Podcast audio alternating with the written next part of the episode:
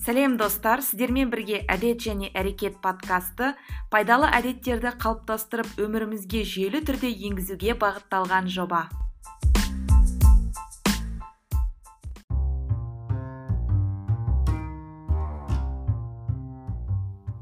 Сәлем әлем. Армысың құрметті тыңдарман. Әдет және әрекет подкастына қош келдің. Менің есімім жанар және бүгінгі бесінші эпизодтың тақырыбы тамақтанудағы әдеттерді реттеу. Бұл эпизодта біз ә, тамақтану мәдениетінің қалай қалыптастыруға болады және өмірімізге тамақтануда қандай пайдалы әдеттер енгізуге болатыны жайлы сонымен қатар түрлі тамақтануға қатысты ережелер мен түрлі диеталардың және қандай әдеттерді енгізу арқылы өміріміздің сапасын денсаулығымызды қалай жақсартуға болатыны жайлы сөз қозғайтын боламыз. Ең алдымен тамақтану мәдениеті дегеніміз бұл бір қалыпты тамақтану тағамдардың рационымызда әртүрлі болуы және оны қай кезде қандай мөлшерде ішіп жеуді білу белгілі бір әдеттерді қалыптастыру адам тағамнан өзінің бір тәулікке жұмсайтын энергиясының мөлшеріне сай қуат алуы тиіс. Егер де адам үнемі мөлшерден тыс ішіп жейтін болса онда әрине салмақ қосады семіреді. Нәтижесінде қант диабеті атеросклероз сияқты ауруларға ұшырауы мүмкін. Сонымен қатар біздің ағзамыздағы түрлі органдардың қызметі де бұзылады және басқа да ауруларға шалдығуы мүмкін.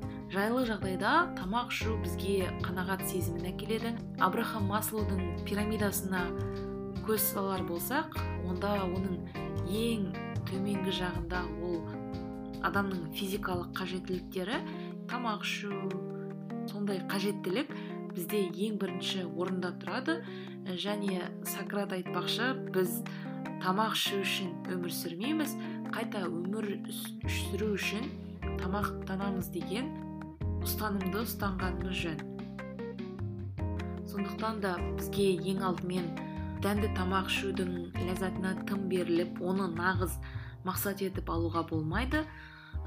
Басты мақсат тамақтың құнарлы болуына мән беру және біздің денсаулығымызға қандай әсер ететінін де білу. Бұл жерде лев толстойдың мынандай бір сөзі де ә, менің ойыма керіліп тұр. Оның айтуынша қомағайлық өзгелерге өлі зиян келтірмейтін болғандықтан ғана оны күнә деп санамайды. Бірақ ол адамның қасиеттеріне қарсы күнә болып саналады деп айтады. Негізінен тамақтың өзі нәпсіге жатады. Яғни адам өте көп тамақ жеу арқылы нәпсісін семіртуі мүмкін. Бұл жерде мынандай да бір ой бар. Адам қандай тамақ жесе ол содан құралады дейді. Сен не жесең соны құрайсың деген сөз бар. Мен бұл сөзбен келісемін. Өйткені егер де біз тек тәтті майлы нан өнімдерін өте көп мөлшерде қолданатын болсақ әрине бұл біздің денсаулығымызға әсер етеді. Және бізде бұл жерде қандай мақсат болу керек? Не үшін біз ә, тамақта қолданатын тамақтың сапасына мән беруіміз керек? Өйткені жасымыз ұлғая келе бізде түрлі аурулар пайда болуы мүмкін. Сіз кейін сол ауруларды емдеуге артық шығын шығармас үшін қаражат шығармас үшін бүгіннен бастап ә, денсаулығымызға көңіл бөле бастауымыз қажет. Кейіннен мысалы түрлі дәрі дәрмектерге басқа да ем түрлеріне ақша құртқанша одан да қазірден бастап тамақтануды қолға алып өйткені кез келген ауру астан деген сөз бар ғой. Ә, кез келген ауруды тамақ арқылы қолданатын азық түлігіміз арқылы аз да болса біз оған әсер ете аламыз. Қазіргі кезде ұзақ өмір сүру деген бар иә? Көп жасау дейміз. Бірақ ұзақ өмір жасау деген ол белгілі бір санмен өлшенетін нәрсе емес сіздің қаншалықты энергияңыз болатындығы қаншалықты сапалы өмір сүретіңізге де байланысты. Сондықтан бұл жағдайлардың барлығында ескеру керекпіз. Қандай өнімдерді қолданып жүрміз оның құрамы қандай деген сияқты бұның барлығы да біздің өмірімізге әсер етеді. Біздің мақсатымыз ұзақ және салауатты сапалы өмір сүру және күш қуатты болу. Бір жерден оқыған едім. Адам қайтыс болғаннан кейін әрбір мүшесі үшін жауап береді екен. Мысалы ә, көзіңізден сұрайды екен. Аллах тағала сізден ә, сұрайды сен көзің ә, күнәлі заттарды қарады ма? Барлық мүше саған ә, қарсы шығуы мүмкін екен да. Өйткені адамға бізге аманатқа берілген дене мүшелері біздің түрлі органдарымыз олардың барлығы белгілі бір үйлесімділікте бізге қызмет етіп жатыр. Бұның барлығы үшін жауап береді екенбіз. Жаңа бауырымызға қалай қарадық асқазанымызға қалай қарадық жүрегімізге қалай қарадық көзімізге қалай қарадық деген сияқты. Сондықтан да аллах тағаланың осындай бізге берген орыс тілінде сөз бар ғой наше тело храм дейді сол сияқты біз денемізді мешіт ретінде қарастыру керекпіз. Оны тек жақсы сапалы пайдалы нәрселермен денемізді толтыру керекпіз. Және миымызды да. Сондықтан қандай нәрсені қабылдасақ та мысалы ақпаратты қабылдаған кезде де оның ә, сұрыптап артық ақпаратты пайдасыз ақпаратты қабылдамай белгілі бір ә, фильтріміз болуы қажет. Сондықтан тамақ ішкен кезде де белгілі бір фильтріміз болу қажет. Белгілі бір түсінікпен тамақтанғанымыз жөн бейберекет тамақтану оған бір көңіл бөлмеу артынан үлкен проблемаларға алып келуі мүмкін. Сондықтан әзірден бастап ешқашан кеш емес гуглдан ба іздеп қарасаңыздар адамның жасушалары клеткалары белгілі бір уақыт аралығында әрбір клетканың өзінің өмір сүру уақыты бар. Және ол жаңарып отырады екен. Алты ай бұрын болған мысалы қылмыскер болса соның алты ай бұрынғы ол адаммен одан кейінгі адам мүлдем басқаша дейді да? яғни оның клеткасы жаңарған ішкі мүшелері жаңарып отырады деген сияқты. Сондықтан бұның барлығы өзгермелі. Яғни біз қай кезде болсын жасымыз үлкен болсын мейлі алпыста болсын қырықта болсын жиырмада болсын аз уақыттың ішінде ағзамыздағы кез келген процесті көп жағдайда өзгерте аламыз және қалыпқа келтіре аламыз. Сонымен ең алдымен диета жайлы сөйлесейік. Диетаның түр түрі бар. Көбінесе адамдар бұны салмақ тастау үшін арықтау үшін қолданады. Диетаның әрине екі түрлісі бар. Ол сізге ұзақ мерзімді қызмет атқарып белгілі бір өмір салтыңызға айналатын диеталар бар. Және қысқа мерзімді белгілі бір мақсатқа тез арада қол жеткізу үшін қолданатын диеталар бар. Және бұл қысқа мерзімді диеталардың зияны да орасан зор. Өйткені ол бізге қысқа мерзімді нәтиже көрсетуі мүмкін. Бірақ оның артында не жатқанын білмейміз. Мысалы белгілі бір дәрілерді ішіп арықтауымыз мүмкін. Немесе мысалы бір апта бойы тек бір ғана түрлі тамақ жеуіміз мүмкін иә? Мысалы тек айранмен жүретін адамдар бар тек қана гречка жейтін адамдар бар деген сияқты. Ә, бұл негізінен дұрыс емес. Өйткені сіздегі бүкіл организміңіздағы ағзаңыздағы үрдістер бұдан зардап шегеді. Ол жерде үйлесімділікпен істеп жатқан процестерге зиян тиюі мүмкін және организм бұны стресс ретінде қабылдайды. Яғни сіз белгілі бір уақытқа өзіңіздің күш жігеріңізбен диетаны ұстауыңыз мүмкін және белгілі бір нәтижеге көз жеткізуіңіз мүмкін. Бірақ уақыт өте келе. Қайтадан бұрынғы әдетіңізге қайтып келуіңіз мүмкін. Өйткені организм стрессті жағдайда болғандықтан ол белгілі бір қиын кездер дейді. Мысалы орыстарда черный дни деген бар иә? Сондайға дайындалады да кейіннен қайтадан бұрынғы нәрсені жинап алғысы келеді қайтадан бұрынғы қалпына келгісі келеді. Сондықтан ә, диетамен әрине абай болу керекпіз. Бірақ кейбір диеталарды айтып кетейін. Бірінші диета ол кето диета деп аталады. Бұл диетаның мақсаты сіз барынша ағзаңыздағы тамақтың құрамындағы көмір судың көлемін азайтасыз. Өздеріңіз білетіндей әрбір тағамның құрамын оқитын болсаңыздар ол жерде 100 граммға шаққандағы калория деп тұрады иә? Мысалы джоульмен беріледі мысалы осынша энергия деген сияқты. Және 100 граммға шаққанда осынша килокалория. Және ол жерде негізгі үш құрам беріледі. Ол өнімнің құрамындағы май белок және көмірсу кето диетаның басты мақсаты ол көмірсудың көлемін азайтып белок пен майдың көлемін көбейту. Негізінен тағамның құрамы сізде белок болады және аздаған май болады бірақ көмірсу өте аз болады.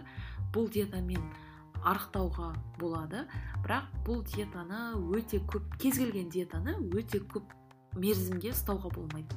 Әрбір диетаның ғалымдардың зерттеуі бойынша орташа уақыты екі апта екен. Екі аптадан асқаннан кейін бұл сіздің ағзаңызға кері әсерін беруі мүмкін. Сондықтан кез келген диетаны бастамас бұрын алдымен мысалы біз көбінесе диетаны оқыған кезде оның жаман жақтарына мән бермейміз пайдасы деп қараймыз да бірақ қандай бұның жаман жақтары бар екен қандай кері әсері бар екеніне мән бермейміз. Бізде бұрыннан да өзіміздің туа біткен ба немесе басқа да басқа ағза мүшелерімізде бір дауамыз болса бір проблемаларымыз болса ауру болса онда ол диетаның бізге мүмкін кері әсері де болуы мүмкін.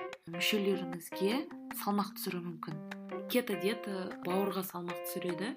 Бұл диетаның да ағзадағы зат айналым жүйесіне де әсері бар.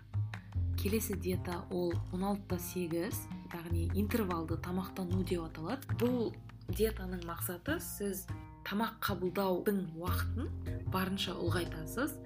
8 сағаттың ішінде тамақ жеп жүрсеңіз 16 сағат тамақ жемейсіз. Бұл диета негізінен тек 16 8 емес бұның басқа да түрлері бар. Мысалы 14 10 деген сияқты 13 9 деген сияқты. Немесе кейбіреулер керісінше көбейтеді. Мысалы біз жаңа азайтып жатсақ енді кейбір адамдар бұны көбейтеді. 18 сағат 17 сағат тамақ ішпей жүреді да 7 сағат тамақ ішу мүмкін. Мысалға сіз егер кешкі алтыда тамақ ішетін болсаңыз соңғы тамағыңыз иә кешкі асты іштіңіз келесі ас қабылдауыңыз келесі күні сағат таңғы онда болады.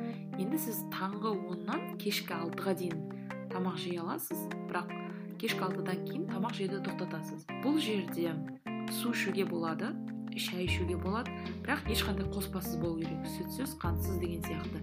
Кез келген шөп шайды іше аласыз жасыл қара шайды іше аласыз кофе ішсеңіз болады лимон қосылған су ішуге болады. Бұның барлығы бұл диетаны бұзбайды. Қалған нәрсенің барлығы оны бұзады.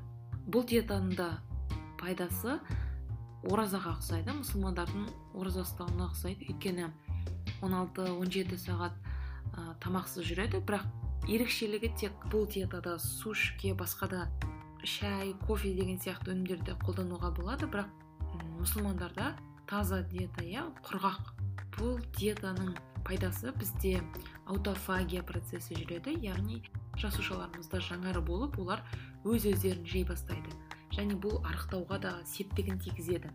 Сонымен қатар сіз асқазаныңызға салмақ түсірмейсіз асқазаныңызды босатып өзіңізді жайлы жеңіл сезініп оянған кезде таңертең ұйқыдан оянған кезде өзіңізді жеңіл сезінесіз. Бұл диетаға жақын омат деген диета бар. Бұл one meal a day.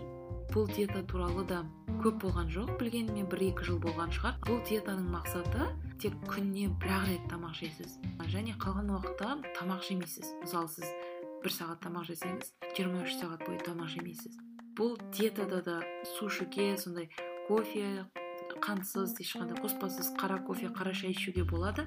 Бірақ ә, тамақ жеуге болмайды. Кейбір адамдар әркімнің өзінің бір колораж дейді ғой әркімнің өзінің бір қолданатын тамақ мөлшері бар. Бұл адамдар бір тамақ бір рет тамаққа отырған кезде бұл мысалы ер адамдарда 2000 килокалория болса бір дегенде 2000 килокалорияны жеп қою керек. Бұл негізінен диетаны мен қолдамаймын. Өйткені адам қомағайлыққа салынып қарным ашып қалады деп бір дегенде өте көп тамақты қолдануы мүмкін. Және бұл асқазанға салмақ түсіреді. Сондықтан бұл диеталардың бір ерекшелігі сіз өзіңізге еш нәрсені тыйым салмайсыз. Яғни кез келген нәрсені жеуге болады.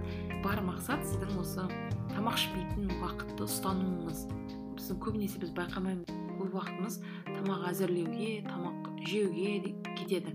Егер де сіз жалғыз адам болсаңыз онда әрине уақытыңыз аз жұмсалуы мүмкін. Немесе сіз тапсырыс бере салуыңыз мүмкін. Бірақ егер де сіз отбасыңыз болса өте көп уақыт жаңағыдай тамақ ішуге тамақты даярлауға одан кейін оның артынан жинауға кетуі мүмкін. он алты сегіз диетасын қолдансаңыз сізде ең көп дегенде екі рет немесе үш рет тамақтану болатын шығар. Үлкен үлкен мысалы арасында бір тіске басар бір нәрсе жесеңіз бірақ негізінен екі үлкен тамақтану бар деп санаймыз. Әркімнің өз таңдауы бар. Мүмкін біреуге жағады біреуге жақпайды. Мысалы он алты сегіздің өзі әр адамға келе бермейді. Мен де бұл диетаны ұстанып көрдім. Әсері жақсы. Кейбір адамдар болады ғой тісін жуып тастаса тамақ жемейді. Сондай эффект бар да мысалы егер оны арықтағысы келетін адамдарға да айтады. Ә, тісіңді жуып таста тамақ ішкеннен кейін бірден. Және сен одан кейін реакция болады да сенің аузың жаңағы мятамен басқа да ә, бір аузыңда сергектік болғасын сен енді қайтадан аузыңды жуғың келмейді да. Сол үшін тамақ жеуден бас тартуы мүмкін. Алдыңа әдемі торт келіп тұрса да басқа бірдеңе келіп тұрса да. Миымызды біраз алдасақ болады. Интуитивті тамақтану деген бар. Интуитивті тамақтану дегеніміз бұл тамақты қалаған уақытыңда жеу және қалаған тамақ түрін қолдану. Сенде ереже жоқ. Мысалы көпшілігіміз таңғы ас түскі ас кешкі ас деген ережені ұстанамыз иә. Осы қатып қалған міндетті түрде мысалы адам өзінің инстинктісі болады екен. Кез келген адамда ол қарны ашпаса да міндетті түрде оған мысалы түскі бір болды ма көбінесе жұмыс істейтін адамдарда иә бізде түскі ас үзілісі деген бар. Ә, сол уақытта адам бірден миы сондай бағдарламаланған болу керек. Адамда бір триггер болады да жаңағыдай сағат бірде мен міндетті түрде түскі асқа баруым керек деген. Бірақ та мүмкін ол адам ол түскі асты ішпесе де ары қарай қызмет ете беруі мүмкін. Интуитивті тамақтану ешқандай уақытқа мезгілге қарамайды. Сіз мысалы қазір түнгі он екіде жегіңіз келіп тұрса тамақты жейсіз. Яғни өзіңіздің ағзаңызды тыңдау арқылы бір белгілі бір түйсікпен тамақтануды солай қарастырасыз. Және қазіргі кезде өте танымал бола бастаған вегетариандық және вегандық тамақтану. Бұл тамақтану түрі маған өте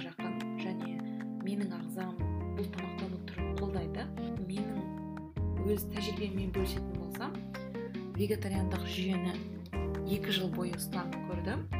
Бірақ денсаулығыма байланысты бұл диетадан үзіліс алдым яғни қазір бұл диетаны ұстанып жүрген жоқпын. Кәдімгі тамақтануға қайтадан қайтып келдім. Бірақ бұл диетаның да пайдасы өте зор. Ә, өйткені сіз жануар өнімдерінен бас тартып өсімдік өнімдерін өте көп қолдана бастайсыз. Және бұл диетада көбінесе адамдарда сұрақ болады. Бірінші аргумент ол ә, сен қазақсың ғой қалайша сен қазақ болғасын енді етсіз қалай өмір сүресің құлап қаласың ғой деген сияқты. Етсіз ә, қазақ болғасын адамдар негізінен қазақ халқы өз өмірін елестете алмайды. Екінші мәселе ол вегетариан вегандық жүйені ұстанатын адамдар белоктан тапшылық көруі мүмкін деген нәрсе бар. Одан кейін үшінші нәрсе б 12 және темірден жетіспеушілік көру мүмкін. Осы нәрселерге қатысты өз пікірімді білдірейін және өзімнен басымнан өткен тәжірибемен бөлісейін. Бірінші қатарда ақуыз мөлшері сізде жеткілікті деңгейде болады. Вегетариандық жүйеде және вегандық жүйеде оны толықтай дәлелдей аламын. Өйткені мен әр үш алты ай сайын тексеріліп жүрдім. Өйткені мені де басында бұл сұрақ мазалаған болатын. Ағзамда белок төмендеп кетсе деген сияқты. Басында ең алғаш бастаған кезде мен бірден жаз мезгілінде оразадан кейін вегандық жүйені бастадым. Және бұл біздің бірінші эпизодта айтылып кеткен әдеттерді қалыптастырудағы қателіктер дегенде біз ең алдымен қиын нәрседен бастауымыз мүмкін иә немесе бірден үлкен өзгеріске қол жеткізгіміз келеді. Өте қиналдым бір жағынан челлендж дейтін шығар. Енді тәжірибе ғой. Өзімнің достарыммен бастадым бірақ олар ұзаққа бармады. Бірден бас тартты бұл диетаны жеті күн бойы ұстап көрдім. Яғни ешқандай жануар өнімін қолданбадым. Тіпті сүт өнімдері жұмыртқа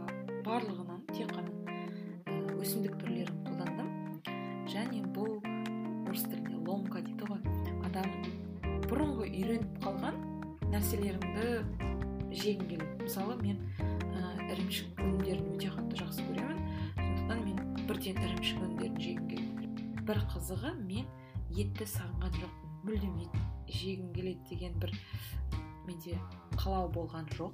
Кейіннен мен вегетариан жүйесіне ауыстым веганды қойып.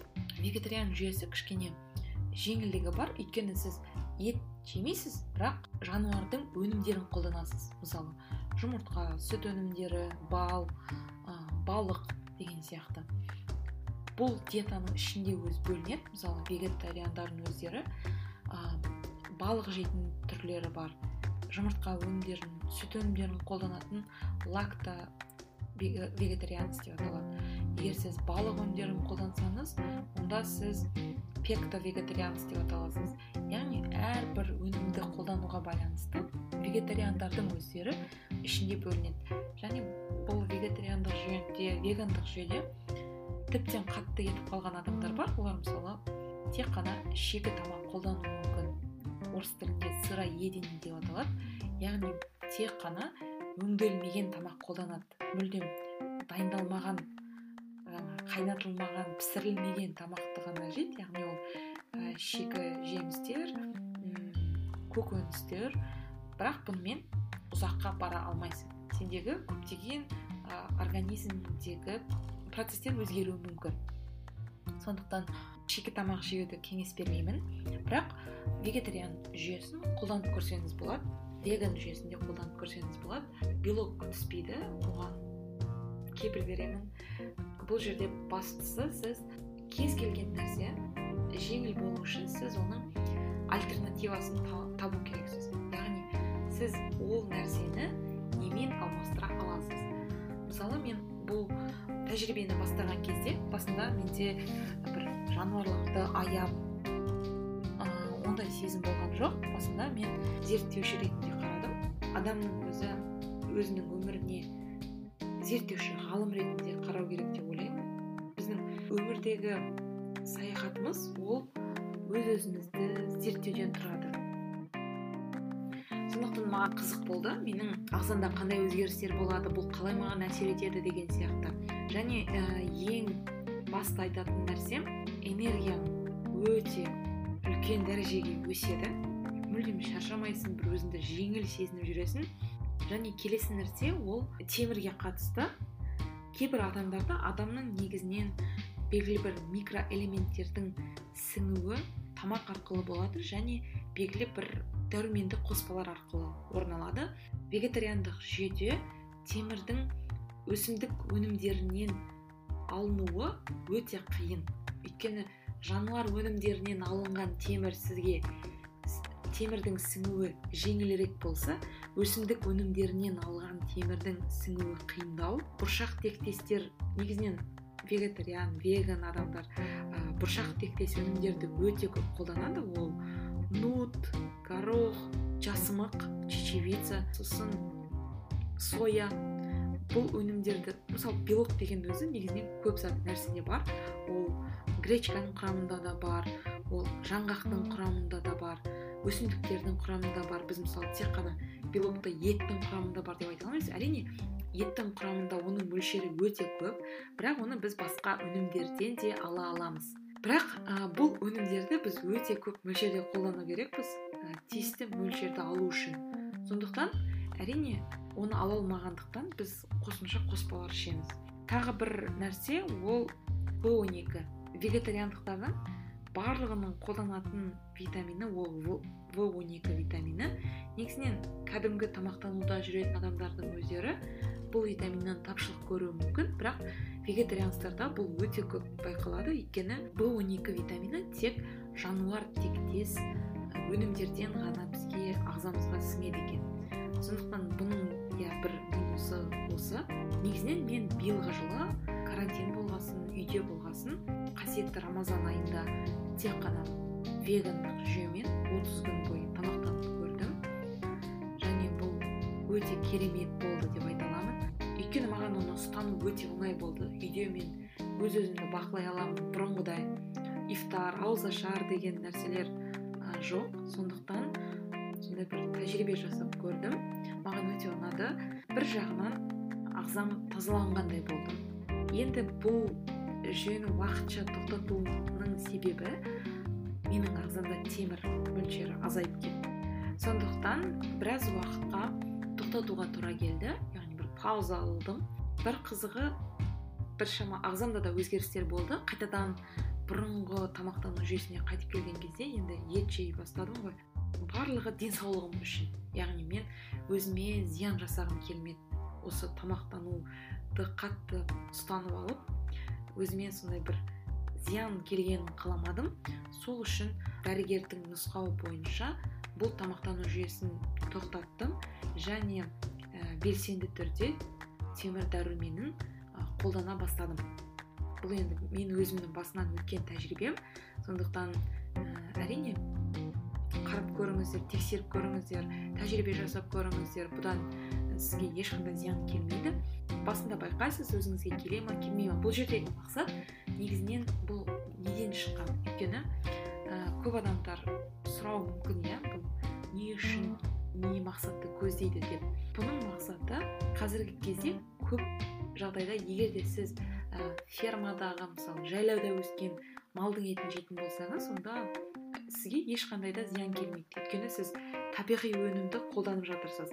Ал егер де сіз дәрімен өскен дейді ғой мысалы ешқандай шөп жемеген малдың етін жейтін болсаңыз немесе белгілі бір дәрімен семірген тауықты жейтін болсаңыз ол өте химикаттарға толы және ол сізге зиян тигізуі мүмкін деген аргументті ұстанады. Негізінен және балыққа қатысты айтатын аргументі ол мұхиттағы балық болса оған өте көп мөлшерде түрлі ол жақта мусор бар мұнай бар ә, сол заттар зиян тигізуі мүмкін. Және ол балықта түрлі керек емес заттар сол балыққа сіңіп қалуы мүмкін. Сондықтан оны жемеген абзалырақ деп айтады. Және осы тамақтану жүйесінің барлығын қазіргі таңда зерттеп жүрген қалай тамақтану керек қандай тамақ жеу керек? деген сияқты нутрициология ғылымы пайда болды. Қазіргі кезде өте танымал.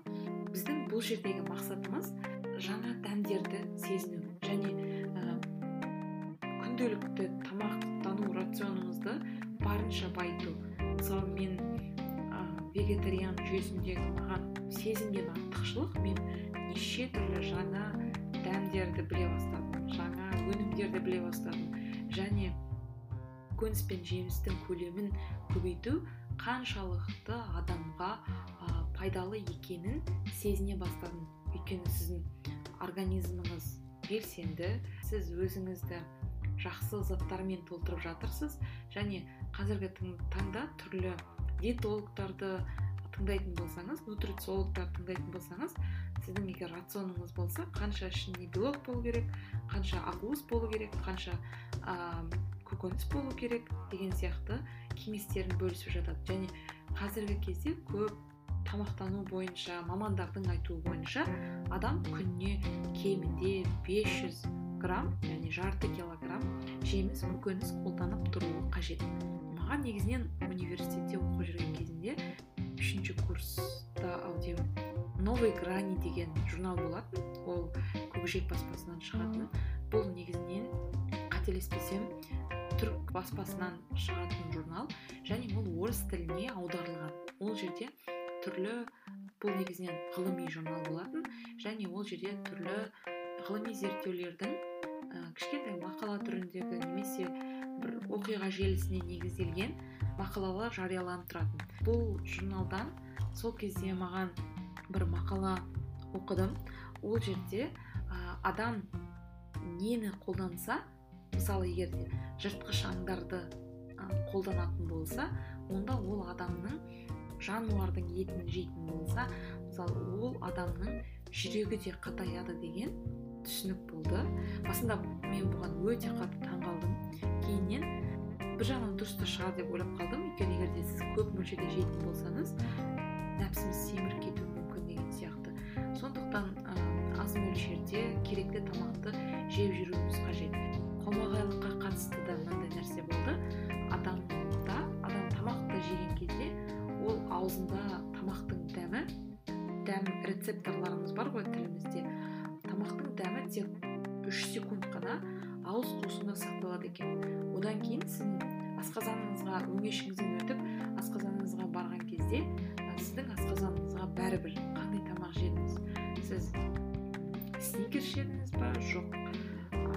салат жедіңіз ба? Мысалы оған ешқандай да не емес. Біз мысалы нәпсіміз қалап тұр. Сникерсті оның өйткені дәмі тәтті ерекше дәмі бар.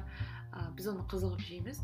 Бірақ артынан ол ішімізге барған кезде ә, асқазанымызға бәрібір басты мақсат беретін кеңесім өзіңізге еш нәрсені тыйым салмаңыз. Бастысы аз мөлшерде қолдану. Белгіленген уақытта жүйелі түрде тамақтану сізде ағзаңызда белгілі бір процестерді іске қосады таңғы сегізде тамақтасаңыз сосын түскі екіде тамақтансаңыз сосын кешкі жетіде тамақтанатын болсаңыз онда сізде белгілі бір ритмді түрде болады. Бет алды тамақтана бермейсіз. Көбімізде кешкі алтыдан кейін тамақтанбау керек деген түсінік бар. Ол тамақ саған мүлдем зиян. Будда дін ұстанатын аюрведа ұстанатын адамдар бойынша күн ұясына батқан кезде олар мүлдем тамақ та ішпейді. Күн ұясына кірді және біз барлық шаруаларымызды тоқтатамыз тамақ ішуді тоқтатамыз деген сияқты. Олар білесіздер өздеріңіз білесіздер күнге сәлем береді. Күн шықпай тұрып олар тамақтанбайды екен. Сондай қызық жағдай. Қаншалықты кешкі алтыдан кейін тамақ жемеу керек бір адамдар бұған қарсы бір адамдар бұны қолдайды көбінесе арықтағысы келетін салмақ тастағысы келетін адамдар өзіне сондай ереже қойып алады иә? Мысалы кешкі алтыдан кейін тамақ жеуге болмайды. Егер де сіз сағат кешкі тоғыз онда ұйықтайтын болсаңыз онда мүмкін бұл сізге жүруі мүмкін бұл ереже. Ал егер де сіз түнгі он екіде түнгі бірде ұйықтайтын болсаңыз бұл ереже жүрмейді. Өйткені үш сағаттың ішінде сіз жеген тамақ қорытылып кетеді және сіздің қайтадан қарныңыз ашады сондықтан өзіңізді қинаудың қажеті жоқ.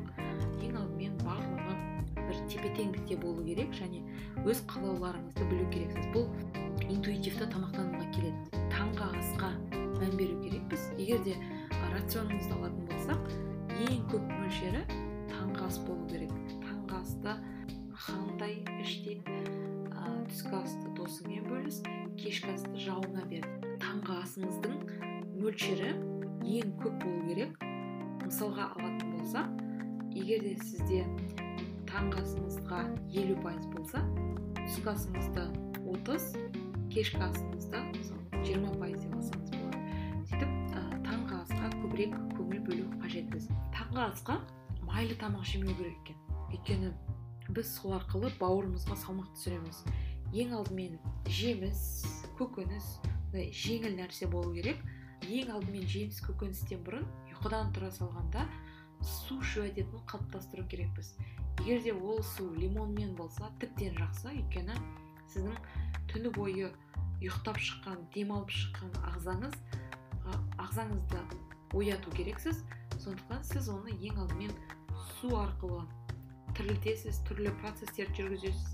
Және мүмкін сізде түні бойы нәрселер жиналып қалуы мүмкін асқазан жолдарыңызда. Соның барлығын шайып кету үшін дұрыстап жүру үшін тамақты. Ең алдымен су ішеміз. Кемінде бір стақан негізінен жарты литр су ішсеңіз өте жақсы өміріңізге инвестиция жасайсыз. Келесі нәрсе ол калория санау керек пе? Бұл нәрсеге келіспеймін. Өйткені калория маңызы шамалы. Тіпті таразыда көрсетіп тұрған салмағыңыздың да маңызы шамалы. Егер де сіздің ағзаңыз сапалы болмаса денеңіздің сапасы нашар болса онда бұл калорияның да пайдасы жоқ. Сондықтан бұл жердегі басты ереже өзіңіз жұмсайтын энергиядан қолданатын тамақтың мөлшерін асырмау. Бұл басты нәрсе.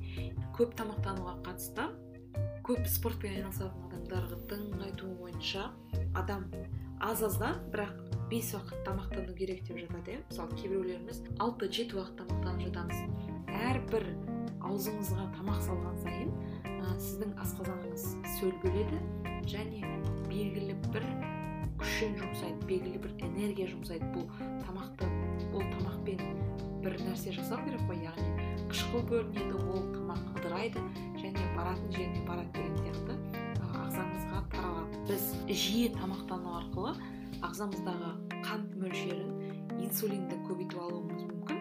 Кемінде үш сағаттай екі тамақтың ортасында үзіліс жасап тұрған дұрыс. Сіз су ішсеңіз болады бірақ тамақты кейінге қалдырған дұрыс. Және қазіргі кезде глютенсіз лактозасыз деген сияқты түрлі сәнді атаулар пайда болды. Бір жағынан бұл маркетинг болуы мүмкін. Кейбір адамдарда шынымен де лактозаны көтермейтін адамдар болады. Глютенді көтермейтін адамдар болады. Көбінесе олар миында басында ақау бар ми ауруы бар адамдар. Селекия деп аталады. Балаларда сондай ауру бар селекия деген. Ол балаларға глютенмен тамақ жеуге болмайды. Глютен деген бұл желім сияқты бірігіп тұратын сондай жабысқақ зат.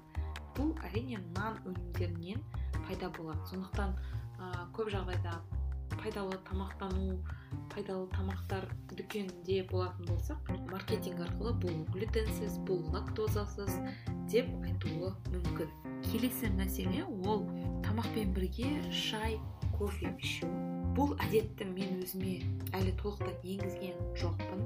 Бірақ көп жағдайда тамақпен бірге кофе шай ішпеуге тырысамын. Оған дейін ішіп алу мүмкін. Немесе тамақтанудан кейін міндетті түрде бір сағат өткесін шай ішемін немесе кофе ішемін. Оның өзі қара кофе болуы мүмкін немесе. Өйткені сізде егер де сіз кофе мен шайды шырынды тамақпен өте көп мөлшерде қолданатын болсаңыз онда сізде асқазан сөлі көбейеді. Жеген тамағыңыз ағзаңызда оңай тарап кетуіне кедергі жасайсыз. Сіз тамақ жеп бірден бір стакан су ішіп онда ол тамақ судың бетінде мысалы қалқып ешқайда кете алмай тұруы мүмкін. Сондықтан бұл әдетті пайдалы деп санаймын. Әзірге отбасыма осы әдетті енгізгім келеді. Әрине өте қиын. Өйткені олар көп жылдан бері нағыз қазақтар ретінде шайды өте көп ішіп үйреніп қалған және тамақпен бірге міндетті түрде шай ішіледі. Немесе бізде тәтті шай деген бар иә мысалы тәттімен шай ішеміз. Кофеханаға бір жаққа баратын болсақ міндетті түрде тәтті және шай деген нәрсе бар. Бірақ бұның өзін өзгертуге болады. Адам кез келген әдетін өзгерте алады. Оған белгілі бір триггерлар болу керек. Мүмкін сумен алмастырасыз мүмкін лимон қосылған сумен алмастырасыз мысалы мен ата анама шай ішкенше лимон қосылған су ішуді ұсынамын. Ары қарай жалғастырайық сізге тамақ негізінен өмір сүру үшін қажет. Оны сізге қуат беретін нәрсе ретінде қарастыру керексіз. Және жалықтыратын бір сарынды тамақ жемей барлық түстер болса онда әрине сіздің ағзаңызға да пайдалы көңіл күйіңізге де пайдалы деген сияқты тамақтану барысында парето заңын қолданып көрсек болады. Парето қағидасы 80-де 20 ережесі 80 пайыз тек пайдалы тамақтарды қолданамыз. Ал қалған 20 пайызы ол кез келген тамақты жей бересіз. Тәттіні де жейсіз басқаны да жейсіз фастфудты да жейсіз. Және бұл арқылы сіз ар ұятыңыз таза өзіңізді кінәламайсыз. Өйткені сіз 80 пайыз тек пайдалы тамақ жедіңіз. Өзіңіздің алдыңызда сондай арыңыз таза болады тағы бір ескеретін нәрсе егер де сіз дұрыс тамақтанғыңыз келсе алдымен үйіңізді пайдасыз тамақтардан тазартыңыз. Мысалы оны жеп қоясыз ба басқа біреуге бересіз ба? Мүмкін көршіңізге апарып бересіз немесе туысқандарыңызға апарып бересіз. Барынша пайдасыз мүлдем пайдасы жоқ рафинатталған өнімдерден құтылып келесі азық түлік алуға барған кезде барынша себетіңізді жақсы пайдалы өнімдермен толтырыңыз. Және алдын ала бір аптаға жоспар құрған дұрыс мысалы менің нәзірім осы келесі аптаның нәзірі қандай болады деген сияқты. Бұл үшін алдын ала демалыс күндері мұздату арқылы заттарды дайындап қалсақ болады. Мысалы бір аптада мен не қолданамын иә?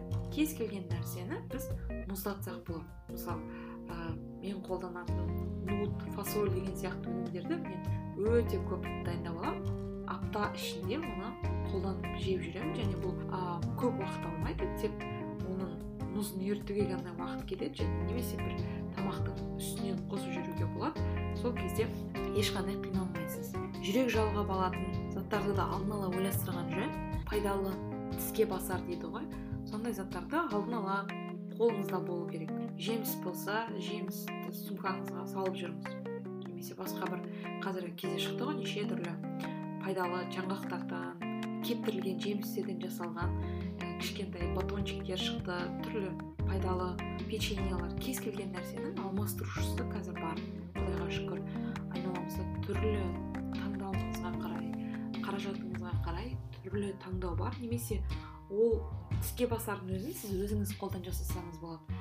Мысалы сәбізді алып ә, сәбізден чипсы сияқты сәбізді әдемілеп турап көрінетін жерге қойып қойсаңыз сіздің балаңыз ол тұрғасын дайындап қойғаннан кейін оны міндетті түрде біреу болмаса біреу оны алып жейді. Мысалы біздің үйде ет ыстық тамақ болғаны дұрыс бірақ та егер де сен дайындап қойсаң олар оны міндетті түрде қолданады. Мысалы алманы басқа жемістерді әдемілеп турап қойсаңыз сәбіздің өзін палауға турағандай әдемілеп турап қойсаңыз біреу болмаса біреу жеп қояды бұның да пайдасы бар яғни біз көзге көрінетіндей бұл жемістерді жуып тазалап турап әдемілеп қойсақ өте керемет болады. Тамақтану жүйесін ислам дінімен байланыстырғым келеді. Негізінен пайғамбарымыздың мұхаммед саллаллаху алейхи вассаламның хадисі бар. Асқазанды үш бөлікке бөлу керек дейді оның бір бөлігі тамақ бір бөлігі сусын және бір бөлігі ауа болған дұрыс дейді. Яғни сіздің асқазаныңыз жартылай толмаған болу керек. Сізде бір керемет сезінесіз. Егер де сіз өзіңіздің білмесеңіз тойғаныңыз тоймағаныңызды онда тамақ жеп алғаннан кейін 20 минут бір нәрсемен айналысыңыз телефоныңызды ақтарыңыз басқа кітап оқыңыз. Сол кезде 20 минуттың ішінен негізінен білесіз қарныңыз тойды ма жоқ тоймады ма әлде тамақ жеу керек па деген сияқты осындай бір лайфхак. Келесі нәрсе су ішу жайлы. Суды көп ішу керек деп айтады. Бірақ мұның өзі адамның ерекшелігіне байланысты. Негізінен ғалымдардың зерттеуінше адамның салмағын 30 миллилитрға көбейтіп адамға осынша мөлшерде су ішу керек деп айтады. Мен бұл нәрсені қолдамаймын. Өйткені әр адамның өз ерекшелігі бар және сіз өте көп су ішу арқылы бүйрегіңізге салмақ түсіріп оған зиян келтіруіңіз мүмкін. Сондықтан судың өзін қалауыңыз бойынша ішіңіз. Яғни өзіңізді қинамаңыз мен осынша күніне екі литр су ішу керекпін деген сияқты. Ондай қатып қалған ереже жоқ. Ішкіңіз келсе ішіңіз. Мысалы кейбір адамдар шай ішкенді менің өзім бұл әдетті өте ұзақ уақыт енгіздім деп айта аламын. Ең басында қызық жағдай осы жайлы естігенде су ішу жайлы. Студент кезімде бірден бір литр суды ішіп алдым. Ау деймін әлде жарты литр су ма? Бүйрегіме қатты әсер етті. Өйткені мен мүлдем су ішпейтінмін мүлдем су ішпейтін адам едім. Қазір ұйқыдан тұра сала су ішемін жатарда су ішемін кейбір адамдар жатарда су ішпейді денем ісініп кетеді деп. Бұл да дұрыс емес. Егер шынымен қалау болып тұрса онда ішіңіз. Әрине судың өте пайдасы бар. Адам 80 пайыз судан тұрады. Және көп жағдайда біз ағзамыз бізді алдауы мүмкін миымыз бізді алдауы мүмкін. Біз қарнымыз ашып тұр деп ойлауымыз мүмкін. Бірақ негізінен біздің ағзамызда су жетіспей тұр. Немесе басымыз ауыруы мүмкін. Бұл жағдайда да бізге су жетіспей тұр. Негізінен бас ауырғанда бір жағдай ол адамда ағзасында ауаның оттегінің жетіспеуі. Егер де сіз таза ауаға бір шығып келсеңіз 5 минутқа басыңыздың ауырғаны қоюы мүмкін.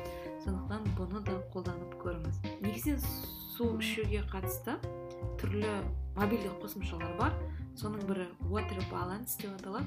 Осы мобильдік қосымшаны көшіріп алып өзіңіздің күнделікті су ішу әдетіңізді бақылап жүрсеңіз болады.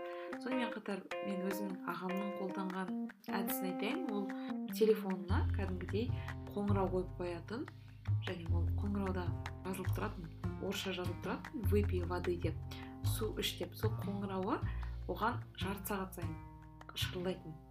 Сол кезде ол ұмыт кетпес үшін өйткені ол ұмыт кетеді. Өзіне сондай әдет қалыптастырды. Телефоны әрдайым қасында ғой. Сондықтан солай суды ішіп қазіргі кезде де су ішеді. Келесі талқылайтын мәселеміз ол тамақтану күнделігі негізінен бұл нәрсенің де пайдасы өте зор. Өйткені сіз салмақты ұстау керек болсаңыз немесе жай өзіңіз білгіңіз келсе ә, бір талдау жасағыңыз келсе онда ә, бір күндік мысалы бір күн не жедіңіз. Соның барлығын жазып шығыңыз. Сол кезде көз алдыңызға келеді қандай нәрсе жедіңіз. Өйткені біз өзіміз негізінен өз, өз өзімізді білеміз деп ойлаймыз. Негізінен алғанда өз өзімізді білмейміз. Не жедік? Мысалы есімізге түсіре алмаймыз иә? Қандай кеше қандай нәрсе жедім бүгін қандай нәрсе жедім деген сияқты. Сондықтан ә, тамақтану күнделігін жүргізудің де пайдасы жоғары. Қазіргі кездегі ең үлкен зиянды заттардың бірі және бірге ие ол қант қантты кез келген өнімнің құрамынан кездестірсек болады. Тұзды өнімдер өте көп.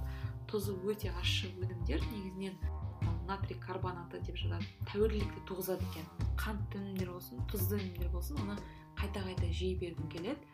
Тойғаныңды білмейсің. Өте сондай тез қорытылатын көмірсулар және бұлар ең зиянды көмірсулар деп аталады.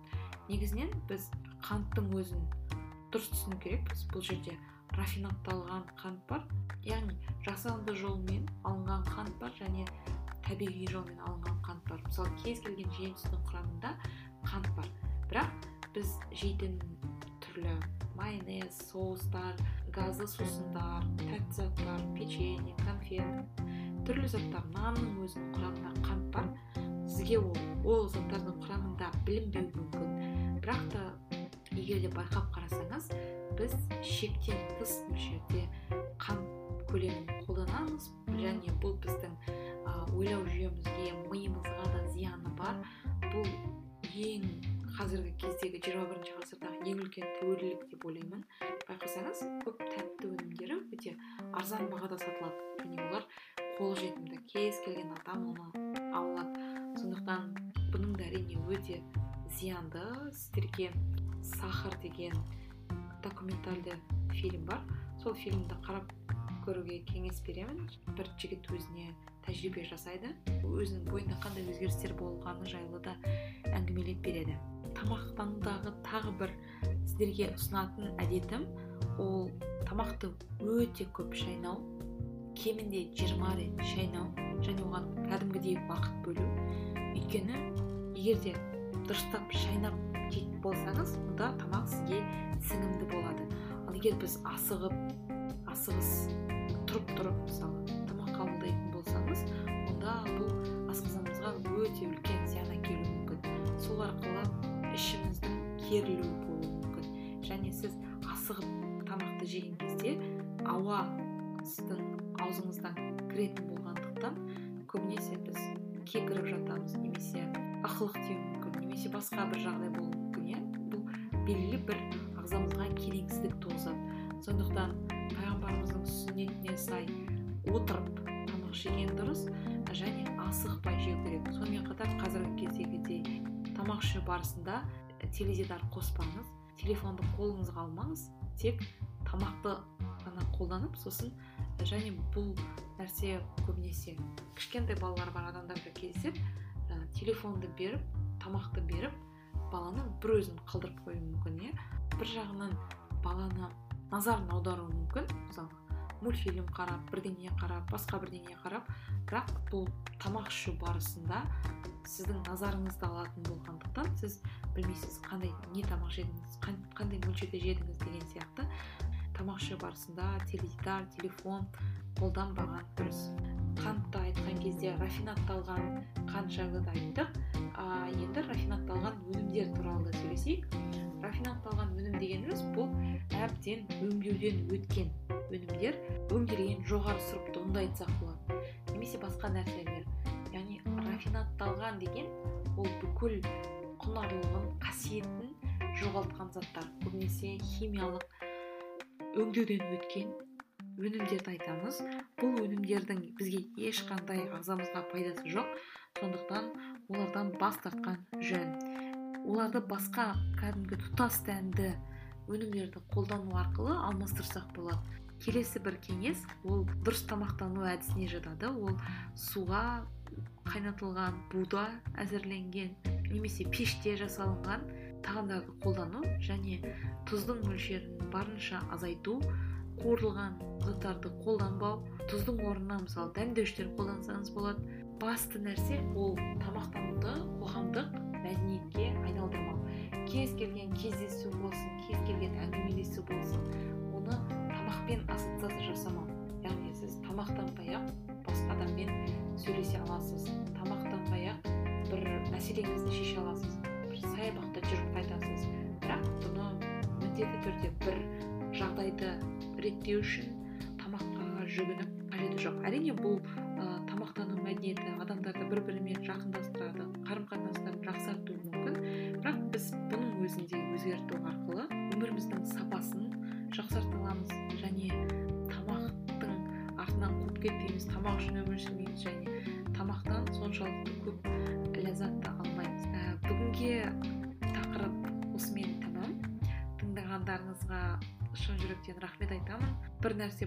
бір нәрсе сіздерге пайдалы болды деген ойдамын. Егер де подкаст пайдалы болып жатса apple google подкаст жүйелерінде пікірлеріңізді қалдырсаңыздар өте қуанып қаламын.